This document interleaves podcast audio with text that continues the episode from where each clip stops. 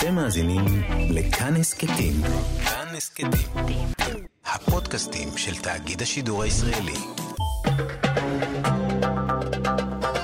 גם כן תרבות. עם גואל פינטו.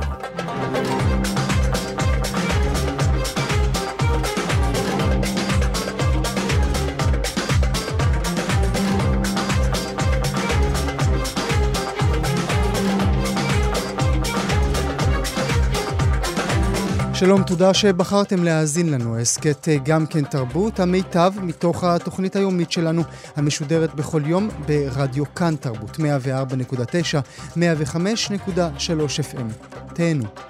גם כן תרבות. עם גואל פינטו. ב-1952 ברוסיה הוצאו להורג 13 אה, יהודים, כולם היו חברים בוועד היהודי האנטי-פשיסטי.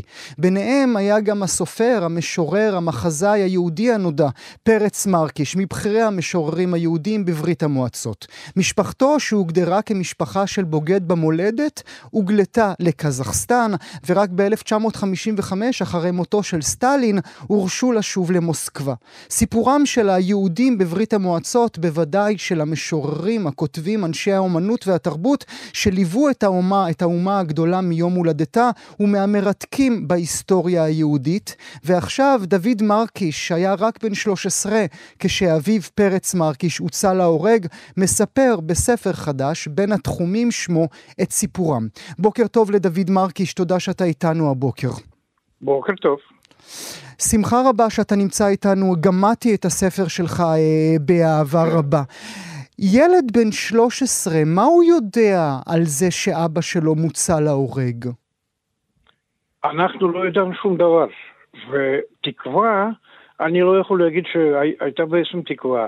אנחנו ידענו איפה אנחנו גרים, איפה אנחנו גרים. אנחנו ידענו שאבי עוד מעט, ב-49, הוא יצא מהבית לתמיד.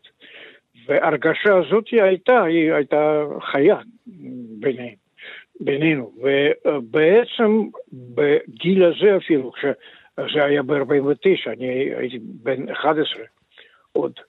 ואני uh, יכול להגיד רק דבר אחד, שההרגשה שלי הייתה שחורה ביותר. אנחנו ידענו ש, uh, שסוף של אבי ושל כל ה... החבר'ה שלו בעצם מוועדת אנטי-פשיסטית, נורא, אנחנו ידענו. ידעתם שזה יגיע, אבל מתי. בעצם, אני אפילו מנסה לחשוב על אותם זמנים, איך כן. נודע לכם שהוציאו אותו להורג? אנחנו, אנחנו ישבנו בגלות בקזחסטן מ-53' כשאנחנו אה, בעצם, התחלת את הגלות שלנו, גלות, גלות השני בקזחסטן, הוא היה כבר אחרי מתו של אבי, אבל אנחנו לא ידענו. אתם לא עולם... יודעים שאבא הוצא להורג, אתם לא, לא יודעים. בטח, לא, לא, אנחנו לא ידענו על זה עד, ש... עד שאנחנו חזרנו במוסקבה ב-55, ובלחץ אמרו לאימא שלי שאבי כבר אה, שאיננו. Mm. רק אז, כשאתם חוזרים מהגלות שלכם בקזחסטן, כן. היה, מה, היה מה לבקר, דוד? היה קבר? היה ערוגה? היה משהו שאפשר היה לבכות עליו? בעצם, את יודעת, העניין, אנחנו, כשאנחנו היינו בקזחסטן, כמובן אה, כתבנו מכתבים, ואחרי מתו של סטלין כתבנו אה, בקשות לבריה, לאנשים גדולים בשלטון סובייטים. אבל התשובות היו מאוד פשוטות. פרס מרקיש הוא, הוא, הוא עבר את, ה, את החוקים של סובייטים והוא ב, בעצם בבית הסוהר. ואיפה הוא, מה קרה לו, הוא כבר לא היה בחיים. אבל אנחנו לא ידענו על זה עד 55 סוף שנה שאימא קיבלה את התשובה. את ההודעה הזאת. אני רוצה רגע לעבור אל הכתיבה של אבא שלך, ברשותך. כן. אתה ילד בן 11, 12, 13. אתה בכלל יש לך את היכולת להבין מי זה אבא שלך, מי זה הגאון הספרותי, מי זה המשורר הענק הזה, או שהוא בסך הכל היה אבא? בצערי רב, עכשיו אני יכול להגיד, אני בגיל 83 כמעט, אבל עכשיו אני כן יכול להגיד שזה מאוד כואב, אני לא יודע, לא, אני לא ידעתי. אני ידעתי רק מהשיחות בבית מי הוא היה, אבי. אבל לא יותר מזה, אני לא קראתי יידיש, ותרגומים אני גם לא קראתי uh, בגיל הזה.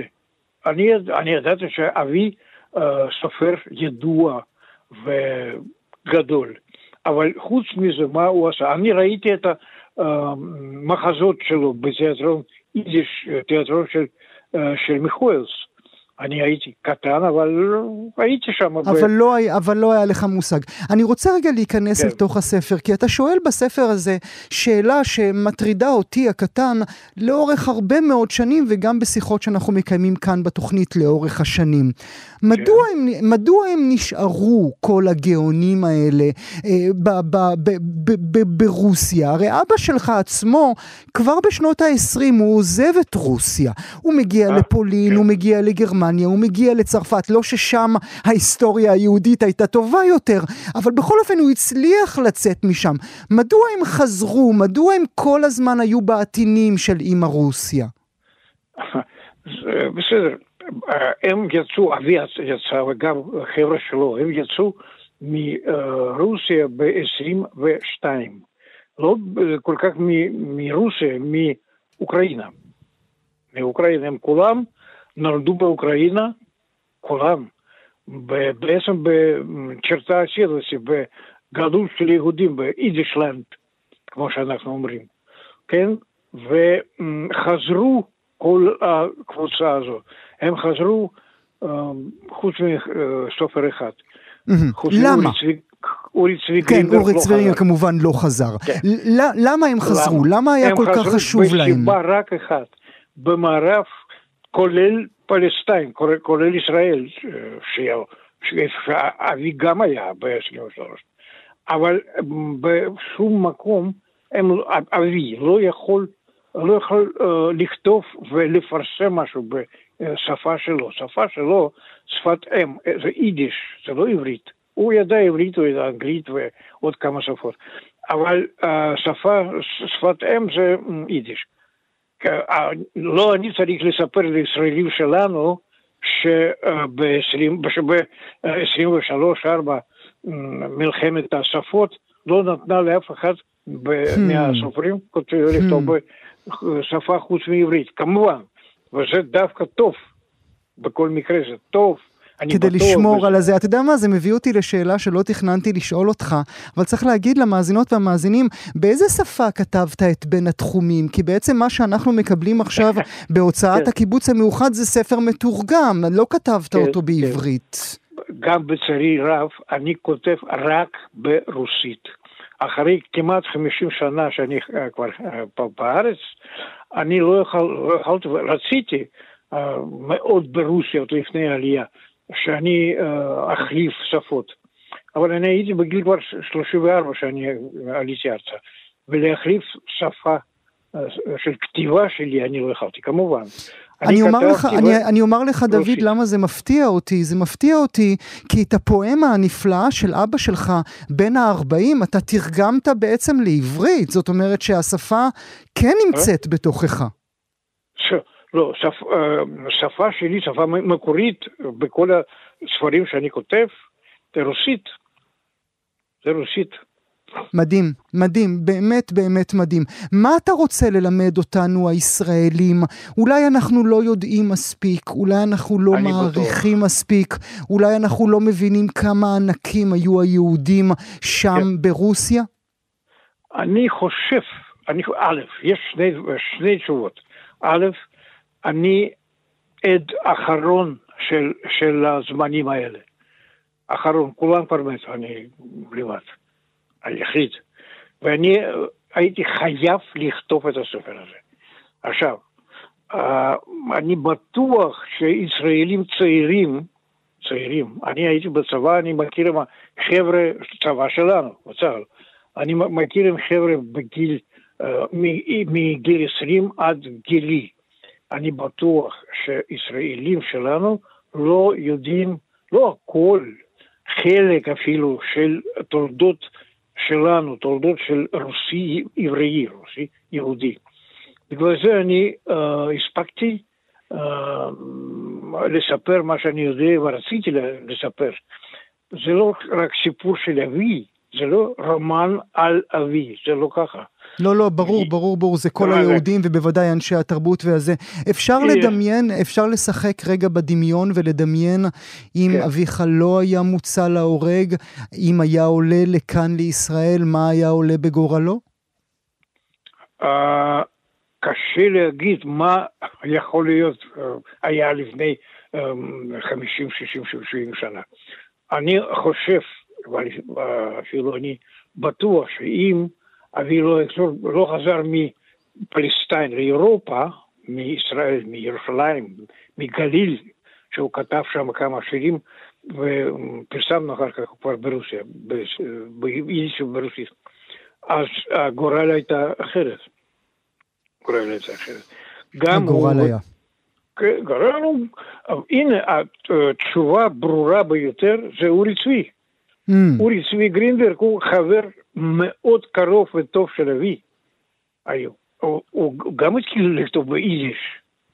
ביידיש. מאיפה אצל אורי צבי עברית? הוא, כמו, כמו אבא, אורי צבי uh, למד את העברית, עברית אשכנזית, כמו שאנחנו אומרים, עוד mm-hmm. בחדר. גם אבא uh, למד את העברית בחדר. ככה. אז הנה, אז כמו שאורי צבי, אה, אחד מגדולי המשוררים שלנו, בסוף הפך כן. גם לחבר כנסת ראשון, אולי זה גם כן, היה קורה כן. לאביך. נאמר אה, שוב למאזינות והמאזינים, בין התחומים, זה שם הספר המצוין הזה בהוצאת הקיבוץ המיוחד, קראו אותו, זה חלק מרכזי בהיסטוריה של כולנו. נודה לך מאוד, אה, דוד מרקיש, תודה רבה שהיית איתנו הבוקר. תודה רבה. אתם מאזינים עכשיו להסכת סוף השבוע של גם כן תרבות. אספנו עבורכם תצרף של קולות. ראיונות מעניינים שהשמענו בתוכנית היומית שלנו במהלך השבוע. מקווים שתהנו. אנחנו הנחנו שמצבם של המוזיאונים ברחבי העולם קשה, שנת קורונה זה היה הגיוני, אבל עכשיו הנתונים מגיעים ומבססים את ההנחה הזאת. כבר 20 שנים שמגזין The Art Newspaper מעיתוני האומנות הנחשבים בעולם מפרסם את רשימת 100 המוזיאונים המובילים מבחינת uh, מספר מבקרים, ולמרות ששנת מגפה הוא החליט לעשות זאת גם השנה, והנתונים על היוסטור, אין דרך אחרת uh, להגדיר את זה בשורה התחתונה. בשנת uh, 2019 ביקרו 230 מיליון מבקרים ב-100 המוזיאונים המבוקרים בעולם, 230 מיליון. השנה, 2020, 54 מיליון בלבד, ירידה של 77 אחוזים, מ-230 מיליון ל-50 מיליון.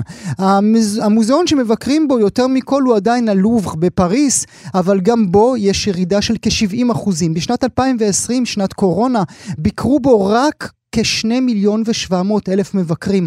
שני מיליון ושבע מאות אלף מבקרים בשנה בלובר. בשנה רגילה כמעט עשרה מיליון. עם הנתונים והפרשנות נמצא איתנו עכשיו יונתן אמיר, עורך שותף של מגזין ערב רב. יונתן, בוקר טוב, תודה שאתה איתנו. בוקר טוב גואל. זה נורא קשה לראות את זה ככה דיו על נייר, נכון? לראות את המספרים הקשים האלה כאשר הם מפורסמים ככה. תראה, לשורה התחתונה התכוננו מראש כבר בשנה שעברה בשיחה שלנו, כך שזה לא הייתה הפתעה, אבל אפשר לומר שזה אה, מדכא במסגרת כל הדיכאון של השנה האחרונה. אה, הלובר שתיארת, שנמצא עדיין במקום הראשון, אה, נכנסו אליו במהלך השנה, מספר המבקרים שנכנס בחודש-חודשיים בשנים אחרות. Mm-hmm. יחד עם זאת, אני חושב שאפשר גם ללמוד כל מיני דברים מעניינים מהרשימה הזאת, וגם מהמחשבות על ה... אז בוא, נ... אז בוא נלמד, מה הדבר הראשון שתופס לך את העין כשאתה רואה את הרשימה הזאת? קודם כל הרשימה הזאת כוללת נתונים שלא היו בעבר, כמו כמה ימים היה סגור המוזיאון. Mm-hmm. ופה אנחנו רואים באמת, אה, אפשר ללמוד על מדיניות הקורונה ועל מידת הפגיעה של כל, כל מדינה ומדינה, אה, נכון. בדיוק, אז אה, מדינות, ערים בעצם, כמו לונדון וניו יורק, שחטפו את הקורונה הקשה, גם נשארו סגורות. לאורך זמן, ובאמת אנחנו רואים שהמטרופוליטן, הטייט מודרן היו למעלה מ-200 יום במהלך השנה היו סגורים, וגם כשפתחו, פתחו במשורה, אה, במגבלות. אה, לעומת זאת, מה שהפתיע אותי למשל, שמוזיאונים במדריד, שהייתה אחת מבירות הקורונה, mm-hmm. היו פתוחים, אה, היו סגורים רק בערך 80 יום, 85 כן, יום במהלך השנה. כן, זה המספר, אבל זה עדיין לא, זה עדיין לא עזר אה, למוזיאונים במדריד, שגם אה, אצלם יש ירידה של כ-70 אחוזים. זאת כן, אומרת, העובדה שהם פתחו, זה לא אומר שלא, שבאו, כן. קודם כל אצל כולם יש ירידות. אנחנו רואים שבמקומות כמו ניו זילנד למשל, הירידה היא נמוכה יותר, זה נכון, אנחנו גם יודעים שניו זילנד התמודדה טוב יותר עם המגפה, אה, ואנחנו רואים גם אה, סין למשל, במקום השני. סין, אה, מי שהביאה את הקורונה לעולם, הוא בכל זאת נמצאת במקום השני, ופתחו די מהר שם את המוזיאונים. המוזיאון הלאומי של סין שנמצא בבייג'ין? בבייג'ין, נכון. אחרי שלושה חודשים הם פתחו, ומאז הם פחות או יותר פתוחים כל הזמן, גם במגבלות כניסה, אבל, אבל פתוחים. אה, מקומות שהיו בעבר, כיכבו ברשימות שלנו כל שנה, אה, העולם החדש, אה, למשל ברזיל, כמובן לא נמצאת היום, נמצאת בתחתית הרשימות, המוזיאון הראשון שנמצא שם הוא, הברזילאי נמצא במקום 18. בעבר דיברנו עליו שאנחנו כובש את המקומות הראשונים, המוזיאון. אבל, אבל אנחנו יכולים גם ללמוד מזה, וזה מתחבר ישירות למה שאתה אומר, יש מוזיאונים, וכאן עכשיו זה ככה בום בפרצוף, יש מוזיאונים שניזונים מתיירות, שאנשי המקום פחות מבקרים בהם, אולי זה מה שנכון גם ללובר. בפירוש, אנחנו רואים את זה שם, ולמרות שאין לנו כל כך נתונים על הארץ, אפשר להניח שזה נכון גם פה. אה, שנוצר אה, הבדל מאוד גדול בין אה, מוזיאונים שמבוססים על תיירות חוץ לבין מוזיאונים שיש להם קהילה, זאת אומרת, מבוססים על תיירות פנים. מוזיאון בישראל ניקח את זה, למשל מוזיאון ישראל ספג מכה אנושה יותר גדולה מכולם, משום שבאמת הוא מבוסס, חלק גדול מהמבקרים בו הם תיירים מבחוץ. לעומת זאת המוזיאונים המקום, העירוניים נפגעו פחות, הם מרדו שערות אז, אז. אז בוא כן. נשים רגע נקודה וניתן למאזינות ומאזינים נתונים שאנחנו אספנו בעקבות ה-The Art Newspaper על המצב אצלנו כאן בישראל. נאמר קודם מאזינות ומאזינים, לא רבים אה, ממוזיאוני ישראל ששו אה, לתקשר איתנו או להעביר אלינו נתונים, ובכל זאת כמה. אה, מוזיאוני חיפה, יש שם שישה, כן, הם העדיפו לא להעביר אלינו נתונים, אולי זה מגמה שממשיכה את השיחות שקיימנו בשבועות האחרונים, אפרופו המצב בכלל של המוזיאונים בחיפה, ובכל זאת. המשכן לאומנות עין חרוד, ב-2019 היו בו 50 אלף מבקרים, ב-2020 30 אלף מבקרים. המוזיאון באשדוד ב-2019 אה, הגיעו 40 אלף מבקרים, ב-2020 רק 11 אלף. זאת אומרת, אנחנו רואים גרוסו מודו את אותה ירידה של 70 אה, אחוזים. מוזיאון אה, ישראל בשנת 2019 היו בו כמעט מיליון מבקרים, 940 אלף, בשנת 2020 רק 180 אלף, ומוזיאון תל אביב עושה ככה את הפריצה העולמית הגדולה שלו, כי הוא בעצמו נכנס אל הרשימה של ה-The Art Newspaper, אזור 50, מדום, מקום 54, אה, פחות, 48, כן. 48 סליחה, אה, כאשר אה, ב-2020 בכל זאת הגיעו אליו 400 אלף מבקרים. כן, זו נחמת עניים, אבל אנחנו רואים באמת את המגמה הזאת. מוזיאון תל אביב הוא מוזיאון שנמצא בלב אזור שיש לו קהילת מבקרים קבועה, הוא פחות מסתמך על uh, תיירות חוץ, ולכן uh, נפגע פחות. גם הייתה לו תערוכת uh, בלוקבאסטר, מה ששוב, 아, אנחנו גם הפעם... 아, זהו, בוא לא נדבר על הנקודה בכלל. הזו, כן. כן כאשר... בכל השיח... כן. בבקשה. בכל השיחות שלנו בשנים קודמות, כשסיכמנו את נתוני השנה שקדמה לה, תמיד היו לנו תערוכות בלוקבאסטר, כאלה תערוכות שהרימו את המספרים בצורה לא פרופורציונלית, בין אם זה ליאונרדו ובין אם זה גופים שמימיים במטרופוליטן, והתערוכה נודדת של DreamWorks, של אולפני הקולנוע, הקפיצו תמיד את המספרים. הפעם אין לנו בכלל נתונים על תערוכות, וגם אף מוזיאון לא פתח תערוכה כזו, לכל היותר העריכו תערוכות קיימות או השתמשו בחומרים מתוך האוספים. אין לנו בכלל נתונים בדיווח הזה, בניגוד לתמיד, על, על מספרי מבקרים פר תערוכה ולא פר מוזיאון. וצריך לומר שהלובר קיבל את המעט שהוא קיבל, כמעט שלושה מיליון מבקרים ב-2020, גם הוא בגלל ההתחלה של השנה, כן? כשעדיין נכון. לא ידענו באיזה סמטוחה אנחנו הולכים ליפול, ואז הייתה לו את תערוכת מה, 500 השנים של דה וינצ'י, זה היה נכון כן. בתחילת, בתחילת תחילת 2020, אז משם הוא מקבל את, ה, את הגרורות שלו. האם הוא, אתה הוא יכול... בעצם ניזון מהעדים של בדיוק. 2019. בדיוק. כן. האם אתה יכול ללמוד מהנתונים האלה ומהעובדה שלא תער- לא היו תערוכות בלוקבאסטר על העתיד של המוזיאונים, על 2022, על 2023? תראה, אני, אז זה מחזיר אותי לשאלה שלך בשיחה הקודמת שלנו לפני שנה. שבאותו זמן, אני מזכיר, העולם היה סגור, חלק מהמוזיאונים בכלל לא סיפקו נתונים כי לא היה עם מי לדבר בכל רחבי העולם, אה, ושאלת אותי, אולי עכשיו עם המהפכה הדיגיטלית אנחנו נהיה במקום אחר. באותו זמן כל ה, אה, חלק גדול מהמוזיאונים הציעו בן לילה סיורים דיגיטליים באוספים שלהם. אה, אני נכנסתי לשניים שלושה, זה היה משעמם נורא, טכנולוגית זה פשוט Mm. לא עבד, Mm. ואמרתי לך, תשמע גואל, אנחנו בני אדם הם אנשים חושניים, אנחנו צריכים להיכנס לקתדרלה ולהרגיש את הגובה של התקרה, אנחנו צריכים לחוש את האומנות, ולכן הנ- הנחתי אז שזה לא, לא יעבוד, ומתישהו התיירות תחזור ונסתדר. מה שקרה מאז, זה קודם כל קצת התרגלנו, דבר שני, אני אישית התנסיתי בקסדת מציאות מדומה. אה, ואני יכול לומר היום שאני חושב שהטכנולוגיה עדיין לא שם, אבל אם מסתכלים חמש שנים, עשר שנים לכל היותר קדימה, יש לי חושב שיש לנו פוטנציאל אדיר, ולו אני הייתי מנהל מוזיאון כיום, הייתי חושב על שני דברים. אחד, מתי ייתנו לי לפתוח כמו שצריך. ב', איך אני מפנה משאבים אדירים למחלקת דיגיטל, שתיצור עבורי קהל יעד של מיליארדי אנשים, במקום להתעסק עם תחזוקה מטורפת של תשתיות עבור כל כך הרבה מבקרים מדי יום, אני פותח את האוספים שלי לעבודה אה, דיגיטלית מעניינת יותר, ומאפשר לקהל בכל רחבי העולם בעצם להיכנס לסיורים מקוונים במוזיאון. אני חושב על כל כיתת ילדים Mm. שתוכל לחבוש את הקסדות הללו בעוד חמש שנים, ולבקר במוזיאונים ולראות יצירות בלי גם... בלי לעייף את התשתיות של להעיף, אה, אה, אה, את התשתיות של המוזיאונים שהן באמת כבר קורסות ויש, ויש אה, באמת דוגמאות, המבקרים. יש באמת אה, דוגמאות, אתה יודע, אם, אם תרשו לי מאזינות ומאזינים, ואם תרשה לי גם אתה, אה, אפשר באמת לקחת רק כדוגמה את אה, כאן, את הבית שלנו, היה צריך לבנות משהו חדש, ואמרו, אמר המנכ"ל ואמרו היועצים הגדולים, דיגיטל פרסט, וזה בדיוק הזמן שהמוזיאונים ועולם האומנות צריך להגיד, הנה, זה, זה הרגע שבו אנחנו צריכים להתקדם ולעלות קומה נוספת. אני מסכים, ואני אני חושב על הפוטנציאל האדיר. תחשוב, בשביל לעשות תערוכה צריך חלל מאוד מסוים, ויש המון המון מגבלות אדריכליות ותקציביות וכולי.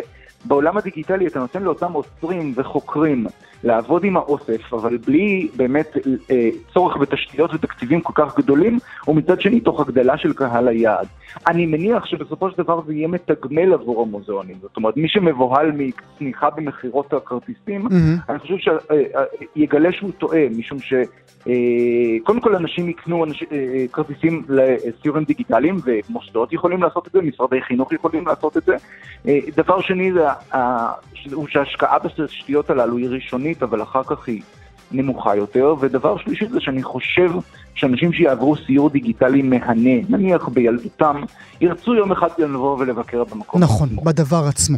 נאמר לך תודה על הדברים החכמים האלה. יונתן אמיר, עורך שותף של מגזין ערב רב, תודה רבה לך שהיית איתי תודה הבוקר. רבה, בוקר טוב. אתם מאזינים עכשיו להסכת סוף השבוע של גם כן תרבות. אספנו עבורכם תצרף של קולות, ראיונות מעניינים שהשמענו בתוכנית היומית שלנו במהלך השבוע. מקווים שתהנו. תחרות רובינשטיין, בכך אנחנו מתחילים, אחת מתחרויות הפסנתר החשובות בעולם, תחרות שמתקיימת אחת לשלוש שנים, זה התחיל ב-1974, היא הייתה אמורה להתקיים בחודש מאי 2020, אבל קורונה, אתם יודעים, קורונה. והנה עכשיו, שנה אחרי, בחודש זה, התחרות נפתחה במין מתכונת ייחודית, היברידית. חלק ראשון, בו מתחרים 36 פסנתרנים, הם מקליטים עצמם במתכונת רסיטל חי, ללא קהל, מחמישה מיקומים שונים בעולם, תל אביב, ניו יורק, לונדון, פוצדם ובייג'ין, ושופטים פשוט צופים בהקלטות. השלב השני, הגמר, שישה מתחרים בתל אביב, אם זה יתאפשר. שני מתחרי עבר ישראלים נמצאים איתנו הבוקר, הפסנתרנית עירית רוב שהשתתפה בתחרות בשנת 83, 1983, והייתה הישראלית הראשונה שעלתה לשלב השני. בוקר טוב לך עירית. שלום, שלום. שמח שאת איתנו הבוקר. אני תמיד שוכח שעברנו מאה, כן, אני אומר 86, כאילו זה ברור שמדובר ב-1900, כן, אוקיי. נכון. ולצידך הפסנתרן בוריס גילדבורג, שב-2011 זכה במקום השני בתחרות, לא פחות. בוקר טוב בוריס, תודה רבה גם לך שאתה איתנו הבוקר. שלום. נתחיל איתך, עירית, זה לא נשמע לך קצת מוזר, או אולי חותר תחת מהות התחרות, הסוג ההיברידי הזה של שופטים שיצפו בקלטות? תשמע, זה, זה מוזר בתור מי שהתחרתה לפני הרבה מאוד שנים, אז, כן, בטח שזה מוזר. כי מה אנחנו רוצים? אנחנו רוצים קהל, רוצים לנגן לאנשים, חיים, מחיאות כפיים, אוויר חם, אבל מצד שני, זה ברוח הזמן. תשמע, עברנו, עברנו להיות מקוונים רוב הזמן, אז גם זה מקוון, ואני חושבת שזה פתרון נפלא לנצח את אה, מגבלות הקורונה. אבל בא לך, לעשות? אבל בא לך כן. שופט, שופטת שיושבים בבית חצי רדומים עם נס קפה קר וילדים שעוברים ברקע?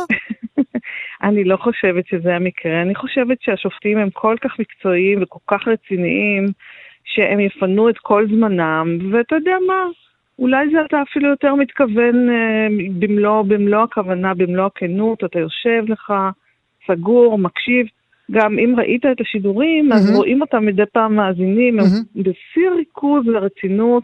אני לגמרי בטוחה ש, שחבר השופטים אה, עושה תחתו נאמנה אז- אז אני- ומקשיב לכל צליל. אז אני אשאל, כן. עוד, אני אשאל עוד משהו לפני שאעבור אל בוריס, כי את המומחית כאן אה, בינינו. אם כך, אז מדוע וידאו? מדוע לא רק אודיו? למה הם צריכים לראות? אמ, האמת שהם לא צריכים לראות. שופטים, אנשי מקצוע, לא צריכים לראות. בכלל לא צריך לראות, צריך רק להקשיב, אבל אתה יודע, זה מדיה, זה, זה אומנות הבמה. Mm. אז מוסיפים גם את העניין הזה, זה אומנות הבמה. והיא חשובה, רוצים- והיא חשובה לא פחות, צריך לה, היא להזכיר. חשובה, היא כן, ח- כן, היא חשובה בהחלט. אז, אז בנקודה, אנחנו- זו, בנקודה זו אעבור אליך, בוריס. כאשר הם מסתכלים עליך, יושב, יוש, יושב מנגן על אה, במה, מה הם רואים בעצם? הם רואים את, ה, את ההתחזקות שלך, הם רואים את הריכוז שלך, הם רואים את עגלי הזיעה שלך. מה הם רואים? אני חושב שהמטרה של התחרות היא למצוא אומן מבצע, וחלק מה, מהאחריות של אומן מבצע כיום זה גם ה, הקשר שהאומן יוצר, או באופן פעיל או פשוט באורך ההתנהגות שלו עם הקהל, עם קהל המאזינים או הצופים, זה, וזה לא משנה אם הקהל הוא בבית או, או, ב, או, או בעולם כל כך. ו... אני חושב שזה סוג של שפת גוף של כריזמה שהאומן אה, משדר, אה, וזה משהו שאפילו קשה להסביר במילים, אלא פשוט התגובה הטבעית שלנו. זה מהבטן, אבל אתה מרגיש שחקן כשאתה יושב שם ומנגן את הרחמנינוף שאנחנו שומעים עכשיו ברקע? הם, אז אני בהחלט מרגיש על הבמה, וזה, וזה אומר שאתה הופך לבן אדם קצת אחר. לא לגמרי אחר, אבל יש משהו, במיוחד אה, כשאתה נמצא בהיכל התרבות מול 3,000 איש, Mm. ויש מין אווירה מאוד קסומה ומאוד חזקה ש, שנוצרת מעצם העובדה נכון. שהשחקן מנגן עבור- עבור הקהל, וזה זה מאוד שונה ואי אפשר אה, לחקות את זה ללא... בבית ה- פנימה. אתה, יש לך שטיקים משלך? אתה מנופף בשיער קליידרמן סטייל? לא, לא, לא, אין לי, אין לי, שיער ארוך מספיק כדי לנופף בו.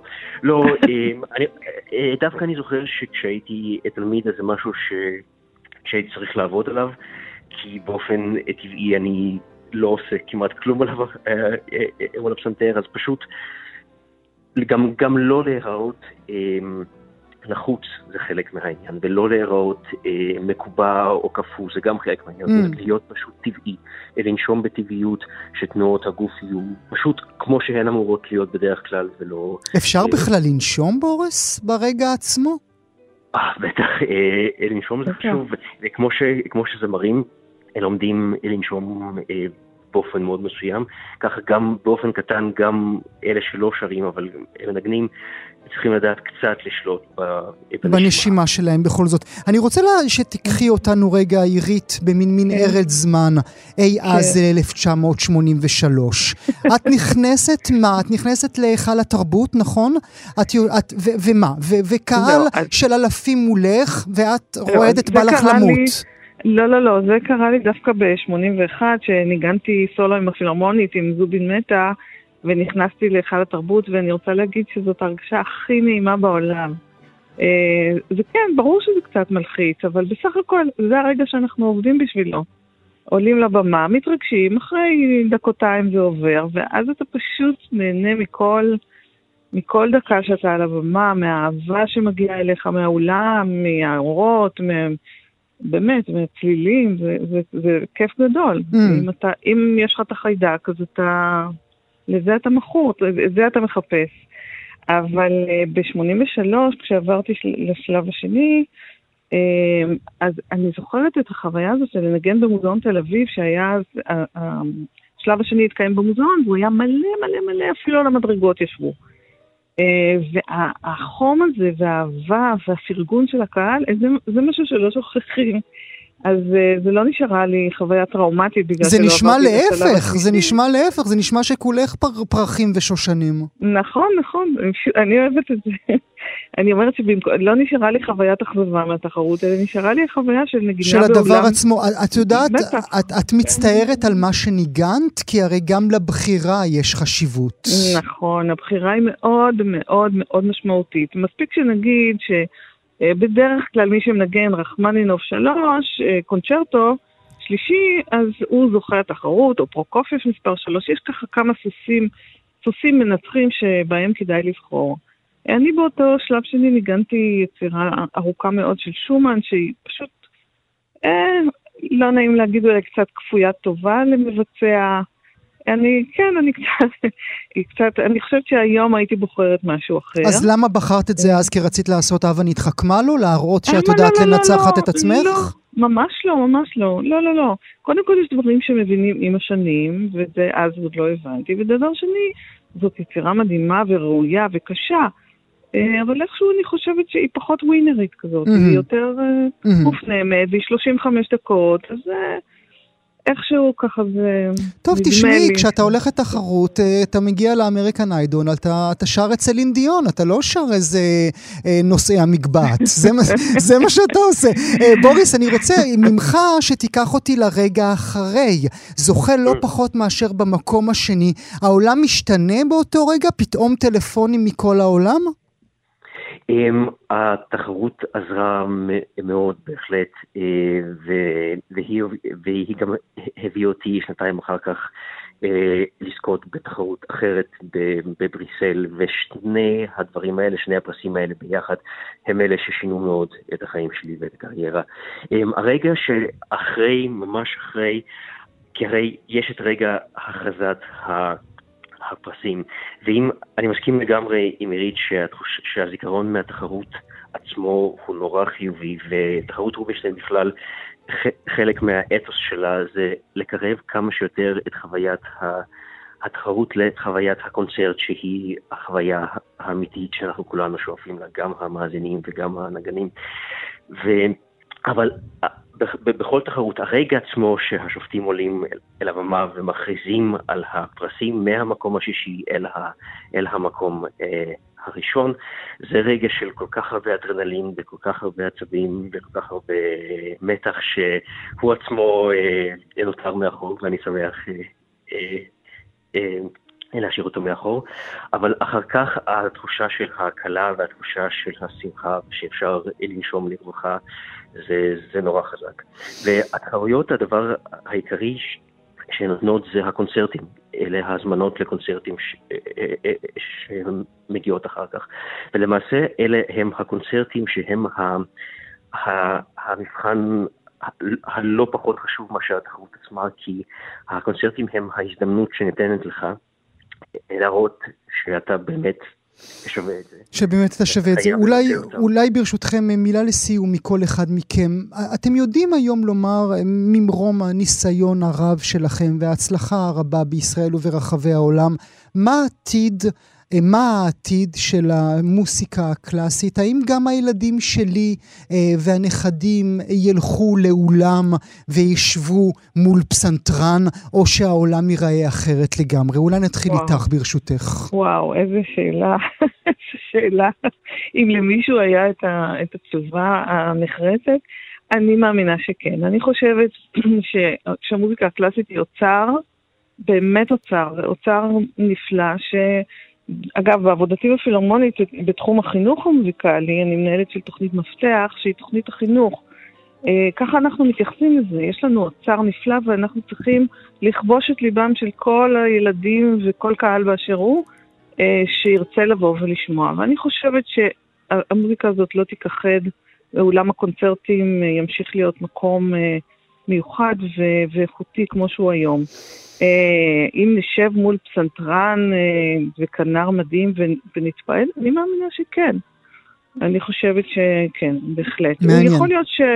כן, שהתחום המקוון, אה, זאת אומרת, עוד יותר ויותר יכבוש מקום, אבל לא, אני לא מאמינה שנוכל לוותר על, ה, על, על הרגע עצמו. הזה. ואתה, כן. בוריס, את דעתך? כן. אני לגמרי מסכים. אני חושב אה, ש... כל כך הרבה מהיצירות הגדולות של המוזיקה הקלאסית נוגעות בכל כך הרבה אנשים. חושבים על הסימפוניה התשיעית של בטהובן, שיש לה ערך הרבה יותר גדול מאשר רק uh, שקהל קטן אהב אותה, או אפילו הקונצ'רטו לא השלישי אלא השני של רחמנינוב, שהוא גם כן uh, אהוב על מיליונים מכל מיני תרבויות ומכל כך הרבה ארצות. Um, אני כן, גם כמו שעירית אמרה, המטלה של החינוך ו, ולהביא את הקהל הצעיר ולמצוא דרכים, כל הזמן דרכים מקוריות וחדשות לקרב אנשים. לתקשר עוד ועוד, וכמובן קהלים חדשים, שזה באמת הבעיה נכון. הגדולה ביותר של כולנו. אנחנו גם רואים את המאמצים שהחברים שלנו מה, מהאולפן אה, ליד, אה, בכאן כל המוסיקה, גם הם עושים בכיוון הזה. נאמר לכם תודה נכון. ונאחל הצלחה לכל המתמודדים אה, בתחרות, עירית רוב ובוריס גילדבורג. תודה רבה לשניכם שהייתם איתנו. תודה רבה לך, יום טוב. תודה. אתם מאזינים עכשיו להסכת סוף השבוע של גם כן תרבות. אספנו עבורכם תצרף של קולות, ראיונות מעניינים שהשמענו בתוכנית היומית שלנו במהלך השבוע. מקווים שתהנו. אלא הנושא הבא שלנו, היא בת 28, נולדה וגדלה בתל אביב, היום גרה בחיפה, עובדת כמדריכת שיקום בריאות הנפש. בשירה, בשירה, התאהבה כבר בגיל 12 כשנתקלה בשיר של בוקובסקי. איך אפשר שלא להתאהב בבוקובסקי? בימים האלה יוצא לאור ספרה, ספר שירה הראשון, ספר הביקורים שלה, פלשבק קוראים לו. הוא זוכה למחמאות מכל עבר. יותם ראובני בעיתון הארץ כתב עליו כי שורותיה חוד... דורות לנשמה. הספר הוא בעריכת לורן מילק, הוא יוצא בהוצאת טנג'יר, הוא זכה לתמיכה של כ-113 אנשים במימון המון. בעמוד האדסטארט לספר היא מוגדרת כמשוררת הטרנסג'נדרית הראשונה שמוציאה ספר שירה בישראל.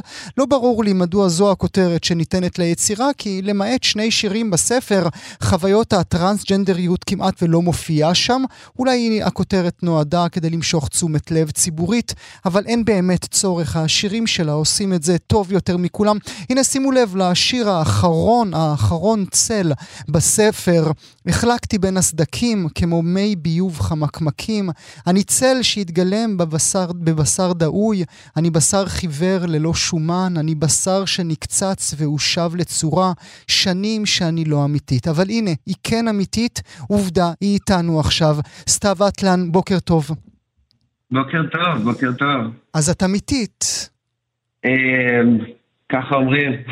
אני שומע אותך, אלא אם כן את רוח, כן, אה, לא, אני אמיתית. ברכות, ברכות על הוצאת הספר הזה, ובעיקר ברכות על המחמאות הרבות שאת מקבלת עליו. תודה רבה, תודה רבה. מתי את כותבת את השיר הראשון שלך? הזכרתי את בוקובסקי, להתאהב בבוקובסקי זה קל, אבל מתי את כותבת, מתי את יושבת לכתוב? האמת שישבתי לכתוב הרבה לפני, זאת אומרת, יש לי זיכרון ילדות ממש אה, מוקדם, אני חושבת אפילו סביבות גיל חמש, שהתקשרתי לאימא שלי ואמרתי לה, אימא, כתבתי שיר, והקראתי לה שיר מאוד uh, מורבידי לגיל חמש, אני לא יודעת מאיפה הגיע, על בן אדם ש... נופל מגג, ואז נופל לבור, וכל מיני דברים כאלה. נופל לגג ונופל מגג ונופל אל בור, ואת רק כזה. בת חמש, והאימא אומרת, אוקיי, על הבכתי, מה היא אומרת? אומרת, אה, אולי תנסי לכתוב דברים שמחים יותר, זה מה שאני זוכרת לפחות. חדי קרן, חדי קרן, זה הדבר, ה... זה הדבר החדש היום. ואז מה, מאותו סיפור, ש... מאותו שיר שנופל מהגג אל תוך הבור, שם נפתח בעצם הצוהר? אה, אני חושב שפשוט הייתי ילדה עם המון, אה, עם דמיון מאוד מפותח. אה, זאת אומרת, אני ממש זוכרת את עצמי, אימא שלי, אני בעצם למדתי בבית ספר בלפור, ואז בבית ספר בשם עתיד, ובהסעה היו מורידים אותי בעבודה של אימא שלי בשנקין, ומשם היינו הולכים לשוק, לשוק הכרמל ודברים כאלה, ובדרך הייתי מספרת לה כל מיני סיפורים. על אה, ימי הביניים, על אבירים, אני נורא אהבתי היסטוריה עוד מגיל צעיר. אה, זאת אומרת, אני הייתי ילדה ממש חנונית, אני ביקשתי שיקריאו לי לפני השנה ספרי היסטוריה לילדים. היום זה הסכתים, את יכולה לעשות את זה לבד, כן. כן, כן, אז, אה, אז זהו, לא יודע, זה פשוט... אה, משהו שהתפתח, ותמיד הייתי כאילו מאוד אומנותי, ציירתי, אבא שלי מצייר מאוד יפה, אז הוא לימד אותי אה, לצייר, וציירתי כל מיני דברים. אה. הכתיבה שלך אה, תמיד הייתה בלשון נקבה, אף כי עדיין לא עברת את התהליך? אה, לא, לא. לא, אני חושב שהתחלתי לכתוב בלשון נקבה בסביבות גיל 19. אה, מאוחר, מאוחר. מתי, מתי העזת להגדיר עצמך כמשוררת? אה, אני חושבת אה, שכבר כמה, בגיל צעיר כבר הגדרתי את עצמי, אני לא בדיוק מגדירה את עצמי כמשוררת, אני יותר מגדירה את עצמי כאמנית. אה, גם אני עושה עוד, אני עובדת בעוד מדיות חוץ משירה. פשוט בשירה אני הכי מצליחה כרגע, שזה נחמד, כי זה... זה הדבר העיקרי שאני עושה, אבל אני גם אה, מצלמת, אה, ועשיתי גם וידאו באיזשהו שלב של החיים שלי. אה, אז אני מגדירה את עצמי כאמנית, וזאת אומרת, גם כשהייתי מאוד מאוד צעירה, היה ברור לי ש... שאומנות זה הדבר בשבילי. זאת אומרת, לי, הייתה לי איזו מחשבה באיזשהו שלב ללמוד היסטוריה, וויתרתי על זה והבנתי שאני הולכת עם האמנות עד הסוף. זאת אומרת, סיפרת את הסיפור על השיר של בוקובסקי, זה בעצם היה הרגע שבו הבנתי שאני מתחייבת לדבר הזה. Mm. וכשאני אה, חושב על אה, כותרת הספר שלך, פלשבק, אה, וכאשר אני קורא את השירים הרבים והיפים שיש בתוכו, ואני רואה את האלימות, ואני רואה את הסמים, ואני רואה את חוויות הילדות הקשות, זה תואם את הכותרת? זה הפלשבק של החיים שלך? אמ, אני חושבת שאני מרגישה יותר שהספר נכתב בתוך איזושהי סיטואציה של אה, מרחק. זאת אומרת שבדיוק עברתי לחיפה, עזבתי דרום תל אביב, הייתי נקייה כבר מסמים תקופה מסוימת, ובעצם הייתי צריכה הייתי צריכה איכשהו, הייתי צריכה את המרחק הזה כדי לכתוב את הדברים שבערו בי. והרצון הזה הוא בעצם רצון לתת תמונת חיים של אחרים או לתת תמונת חיים שלך עצמך? תראה, מבחינתי כשאני כותב את החיפוש שלי הוא לא, הוא לא תיעודי, החיפוש שלי, אני מאמינה שבאומנות, אה, כשאתה מחפש אסתטיקה גדולה, אז אתה מוצא אמיתות קטנות. אה, וזה מה, ש... מה שהיכולת שלי לתת כאמנית, אסתטיקה, אסתטיקה באמיתות קטנות. אבל זה לא אה, נובע מחוסר הרצון שלך לדבר אה, את עצמך, ולכן ההכרזה הזו של אומנות היא דבר כללי והיא לא דבר אישי ופרסונלי? לא, כמובן שהיא פרסונלית, וכמובן שחוויות החיים שלי משפיעות על, על הכתיבה שלי, אבל נגיד אני מרגישה שחוויות החיים שלי משפיעות על הכתיבה שלי במובן של זה שאני יכולה לראות אולי יופי במקומות שאחרים לא רואים. Mm, mm. אני יכולה לראות אה, קסם במקומות שאחרים לא רואים. אני רואה אלוהים במקומות שאחרים לא רואים. זאת אומרת, אה, פעם, פעם, פעם דיברתי על האמנות שלי, ובאמת שאלו אותי למה אני כותבת, ואם כתוב, חשוב לי לכתוב כדי להביא את זה שאני משוררת טרנג'נדרית, או חשוב לי לכתוב כדי... להביע את הטראומות שלי, ואמרתי שאני רק רוצה שאלוהים ישמע אותי. זה ה... בעצם שזה אומר מה? של, הוא סוג של תפילה mm. מבחינתי. את רוצה שהוא ישמע אותך למרות שאת יודעת שהוא איננו קיים. או כך לפחות את אומרת בשיר. ואני עדיין מאמינה בו באמונה מלאה. Mm. אז באמת בואי נדבר על הטרנסג'נדריות, האם להניח את זה על השולחן או לא להניח את זה על השולחן? מצד אחד, אה, כך זה מופיע בעמוד ה-Head את מוגדרת עם מין כותרת אה, פומפוזית כזאת ענקית של המשוררת הטרנסג'נדרית הראשונה שהוציאה ספר שירה. מצד שני, זה לא באמת מופיע בין הדפים.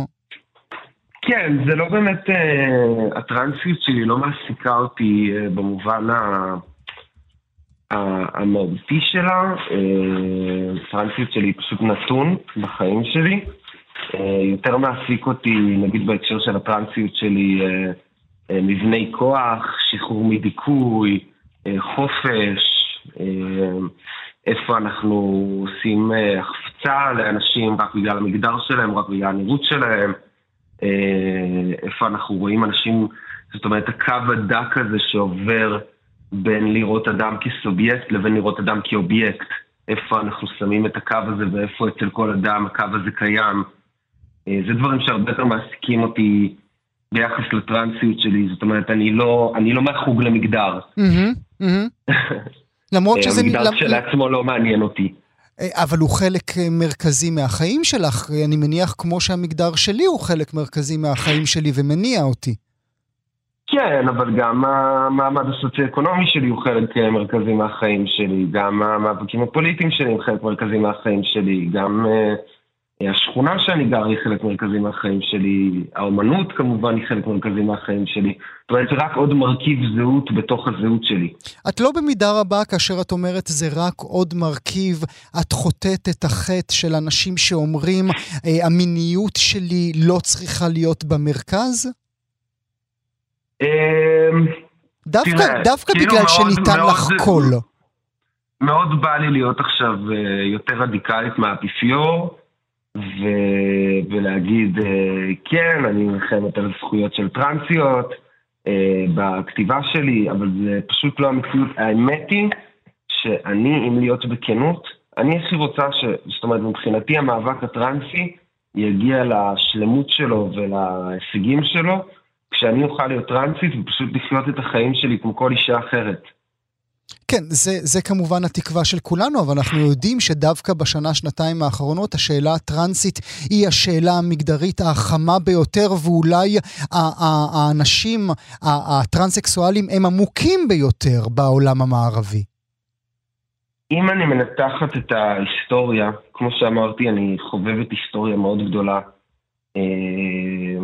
וזאת היסטוריה שאני בטוחה שאתה גם מכיר, גואל. אמ, המאבק הטרנסי היום נמצא פחות או יותר במקום שהמאבק ההומואי היה בשנות ה-70 וה-80. וזה נותן לי המון תקווה mm. לחשוב mm. על זה ככה. Mm. כי אני מאמינה שבעוד 20 שנה המצב אולי יהיה אחר, והטרנסיות הצעירות, זאת אומרת, אני היום רואה איך טרנסיות שיוצאות מהארון בשנים האחרונות, כבר המצב שלהן מאוד שונה מהמצב שהיה לי כשאני יצאתי מהארון. הבחירות שלהן הן אחרות, היכולת שלהן, היכולת שלהן לעשות דברים אחרות, יש להן יותר יכולת לבחור. אה, כשאני יצאתי מהארון הבחירות היו מאוד מאוד מוגבלות לטרנסית. את בטוחה, בטוחה, בטוחה, בטוחה שהיום הבחירות שונות? שהיום המצב אה, באמת מאפשר להם להיות נשים בזנות או לא להיות נשים בזנות? תראה, אם כשאני אה, יצאתי מהארון אז היה 10% בחירה, אז היום יש נגיד 25% בחירה, זה עדיין לא מצב טוב, אבל אה, כן, אני רואה את השינויים, וזה שינויים ש... אה, השגנו אותם בדם, יזע ודמעות. אני רוצה לתת פה קרדיט לכל האקטיביסטיות הטרנסיות, לכל האנשים שנלחמים את המאבק הזה. זה מאבק שעוד ממשיך, אבל כאילו רואים תוצאות וזה מדהים. כי לפני עשר שנים כשנלחמנו את המאבק הזה לא ראו תוצאות. ואני ממש ממש גאה בקהילה שלי. מרשים עד מאוד. אני רוצה שתקראי עבורנו אה, לסיום השיחה שלנו את אחד השירים, בעצם את השיר הפותח את הספר, אוטוביוגרפיה. כן, אוטוביוגרפיה. נולדתי מתחת לים, בנקודה שבה החול נוטש את המים והופך לאבק. בגיל 14, אבק צורב דבק לאורי. לא משנה מה עשיתי, לא הצלחתי לשטוף אותו. בגיל 20 היה לי הרגל רע. בגיל 24 נפטרתי ממנו. בגיל 26 האבק הופך לבוץ, ואני מסתכלת עליו זורם אל הביוב. אני מסתכלת עליו זורם אל הביוב.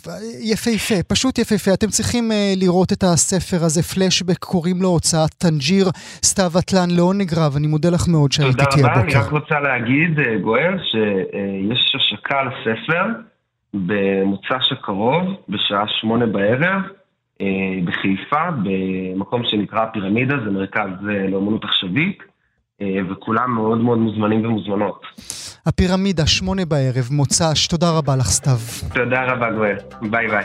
כאן הגיעה לסיומה תוכנית נוספת של גם כן תרבות. כרגיל, אנחנו שולחים אתכם לעמוד הפודקאסטים שלנו, עמוד ההסכתים, בכתובת כאן.org.il/פודקאסט. שיהיה לכם מה להאזין. תודה שהייתם איתנו.